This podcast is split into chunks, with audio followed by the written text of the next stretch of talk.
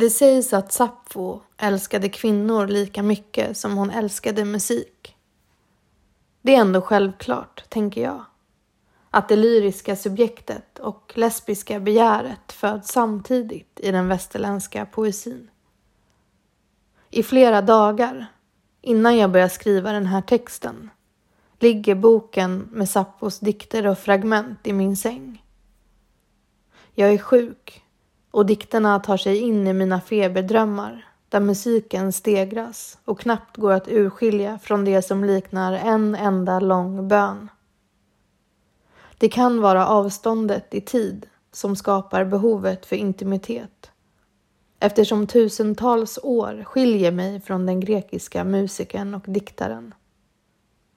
Det kan vara så att dikterna redan besitter en närhet jag bara kan kapitulera inför. Jag erkänner att jag både vill vara henne och ha henne. Ett omöjligt begär jag inte verkar ha varit ensam om i litteraturhistorien. Sappho sjöng sina dikter. Som solist med ackompanjerande lyra, men även i kör. Även om dikterna framfördes så nedtecknades de dessutom på papyrusrullar. Ursprungligen ska det ha funnits åtta eller nio böcker som så småningom kopierades och bevarades på biblioteket i Alexandria. Efter branden gick i stort sett allt förlorat och med ett undantag är det som kvarstår fragment.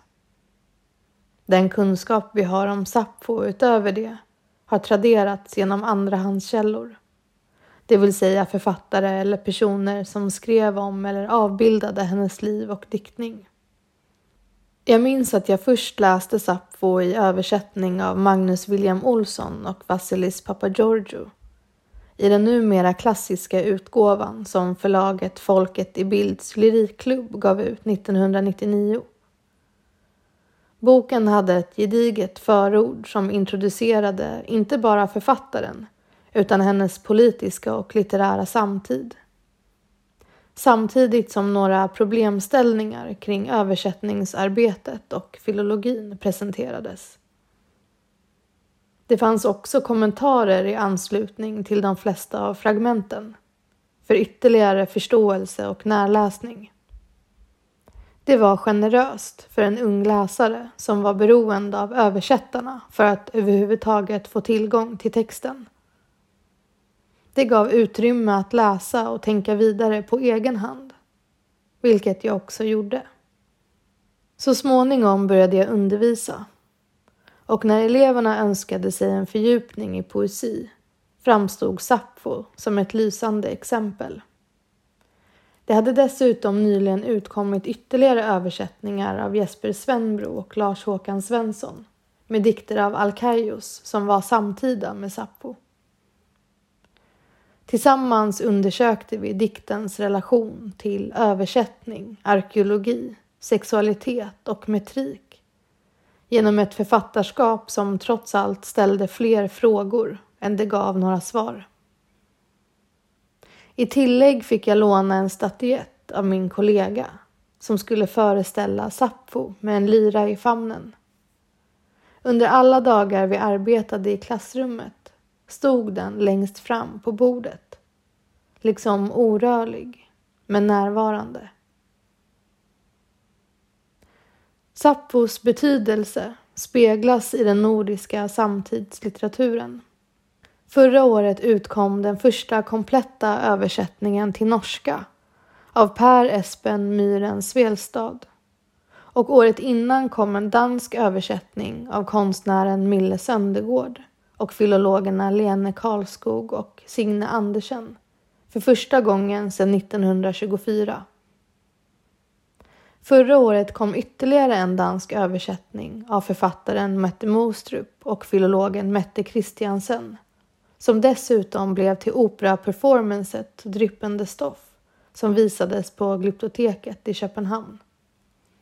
När Sappos dikter och fragment återigen ges ut i svensk översättning av William Olsson och pappa Giorgio har det gått lite mer än 20 år sedan sist. Översättarna har uppfriskande nog, citat, tagit sig an varje ord, varje fras, varje strof på nytt. Slutcitat. Trots att det egentligen inte finns något nytt med poesi som skrevs för tusentals år sedan har det bara under de senaste årtiondena gjorts nya papyrusfynd av Sappos dikter. Det som är fint med den här utgåvan är att den är mer omfattande än tidigare och att dessa nya fynd innebär att ord eller rader tillkommit som i vissa fall förändrar den tidigare betydelsen. Som i fragment 58. Citat. De violsmyckade musernas vackra gåvor. Barn. Den klart klingande lyran som älskar sånger. Men jag då? Förr var huden mjuk, nu åldrad. Håret som var svart har blivit vitt. Tungt är hjärtat och knäna förr hjortkalvsviga i dansen bär mig inte. Ofta sörjer jag detta. Men vad ska man göra? Slutcitat. Jag vill påstå att en del av formuleringarna är mer eleganta än tidigare. Men inte nödvändigtvis på grund av nya papyrusfynd. Som i fragment 16 där bildspråket kretsar kring krig och en politiskt turbulent tid. Medan diktjaget fasthåller att hon hellre vill se den ljuvliga Anaktorias ansikte än stridsvagnar och vapen. Istället för citat, att be om att delta, slutcitat, lyder översättningen nu citat, att delta i tillbedjan, slutcitat och fragmentet är mer rytmiskt följsamt att läsa än tidigare. Trots detta kan jag inte låta bli att tycka att översättningen ibland blir komisk i relation till frågorna om sexualitet. Som förvisso problematiseras i denna såväl som den förra utgåvan och tydligt visar hur olika val kan se ut i ett översättningsarbete. Fragment 126 i översättning av William Olsson och pappa Giorgio låter som följande. Citat. Må du sova på din mjuka väninnas bröst. Slutcitat. Och i översättning av Mostrup och Christiansen, citat. Gid du må sova på din blida älskarinnes bryst. Slutcitat. Väninna eller älskarinna beroende på med vilken blick läsaren eller översättaren närmar sig materialet. Det behöver givetvis inte läsas i det ljuset, men denna specifika eufemism får mig ändå att tänka på hur den historiskt, antingen medvetet eller omedvetet, osynliggjort lesbiska relationer. Mostrup beskriver Sappho som en queer-ikon, medan William Olsson och pappa Giorgio är mer benägna att framhäva andra förhållningssätt till texten. Som i kommentaren till fragment 31 där översättarna talar om en allegorisk läsning eller citat att den Sappho älskar inte är kvinnan utan mannen som hon beundrar. Slutcitat. De skriver också att de hellre velat låta de tillgängliga texterna tala utifrån deras poetiska förutsättningar snarare än peka på hur de förhåller sig till en förlorad helhet eller sammanhang. Mostrup skriver i efterordet till den danska utgåvan att många menar att Sappho var en ledande figur i en krets av kvinnor, men att det inte går att bekräfta vilken roll hon faktiskt hade. Oavsett om det var som konstnär i offentligheten där hon sjöng, spelade och dansade som lärare i ett privat, informellt och aristokratiskt sammanhang eller som prästinna i en afroditekult så står det erotiska, poetiska och rituella i centrum. Sappho använder sitt eget namn, sin signatur, för att inte bara peka på sig själv utan på sina begär. Författaren Anne Carson som dessutom översatt Sappho, skriver i Eros the Bittersweet från 1986 om hur begäret, så som det beskrivs i exempelvis fragment 31, kan läsas som en slags symbolisk förlust eller död av subjektivitet och kropp. Samtidigt kommer förlusten med potentialen att bli en annan. Begäret efter kvinnor och queers och i förlängningen kärleken som transformativ kraft. Samtidigt så lyckas översättarna i andra fall visa just detta. Som i fragment 94 där en förtvivlad kvinna som ofrivilligt tvingas lämna Sappho kommer till tals och sen blir tröstad med följande ord. Citat. Och det underbara vi har upplevt. Många kransar av violer, av rosor och krokus bar du vid min sida. Och runt din mjuka hals hade du hängt många girlander som du flätat samman av blommor och rikligt med väldoftande olja. Kostbar. Lämplig för en drottning. Och i en mjuk bädd. Ljuvlig. Tillfredsställde du din åtrå och det fanns varken någon eller något tempel där vi inte var. Ingen lund, dans, ljud. Slutcitat. I kommentarerna skriver William Olsson och pappa Giorgio att internet och forum gör att information om Sappho är tillgänglig på ett helt annat sätt än tidigare. Kanske förklarar det avsaknaden av en ordentlig introduktion till författarskapet, men också ett annat förhållningssätt till det.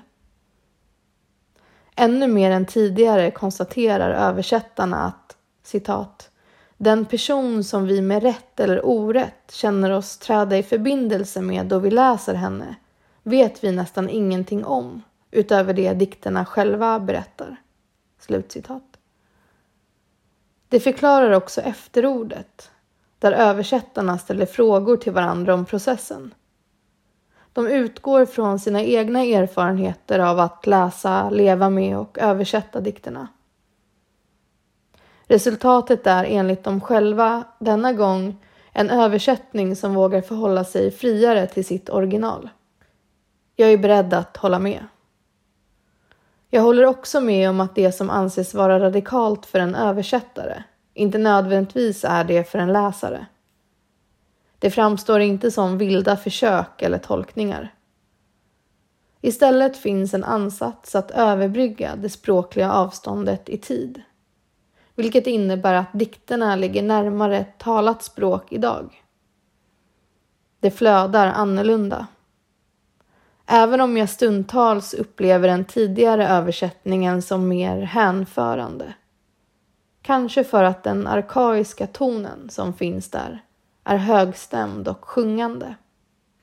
Jag blir inte överväldigad av att läsa korrespondensen i efterordet.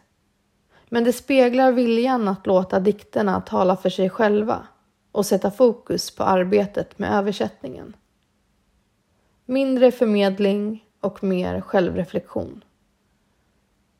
Ändå kan jag inte låta bli att tycka att det är synd att en läsare som inte är bekant med varken grekisk litteratur eller Sappho på så sätt lämnas utan direkta ingångar till boken, trots tillgången till internet. Jag hade gärna läst om utmaningen som ligger i att översätta, inte bara från gammal grekisk vers, om den aioliska dialekten Sappho sjöng på, utan från papyrus till boksida. I likhet med första utgåvan finns inga markeringar som visar på brott eller frånvaro av text. Utöver konventionella radbrytningar och blankrader. Inte sällan kommer flera fragment på rad efter varandra på sidan, vilket skapar en alldeles särskild komposition och symmetri. Även om jag är mer förtjust i hur exempelvis Carsons översättning av fragmenten i If Not Winter från 2002 också visuellt betonar det som gått förlorat. Samtidigt som kompositionen ger läsaren en annan möjlighet att dröja kvar vid enskilda fragment. Liksom i första utgåvan finns en gedigen bibliografi med akademisk litteratur som den intresserade kan använda sig av för att läsa in sig på tolkningar av Sappos liv och diktning. Men det finns också många skönlitterära texter som på ett eller annat sätt åkallar Sappho och därmed en lesbisk genealogi. Så som Sappho åkallar kärlekens gudinna Afrodite med hennes många namn i sina dikter. Läs för all del Jeanette Wintersons märkliga novell och relationsdrama The Poetics of Sex från 1993. Den fragmenterade kroppen i Monique Wittigs Le Corps Lesbian från 1973. Och fundera på om Clays verkligen var Sappos dotter i Mette Mostrups diktsamling Dö, lögn, dö från 2012. Sappho blir nämligen inte bara läst utan inspirerar också andra till att skriva och lever på så sätt vidare som den tionde musan.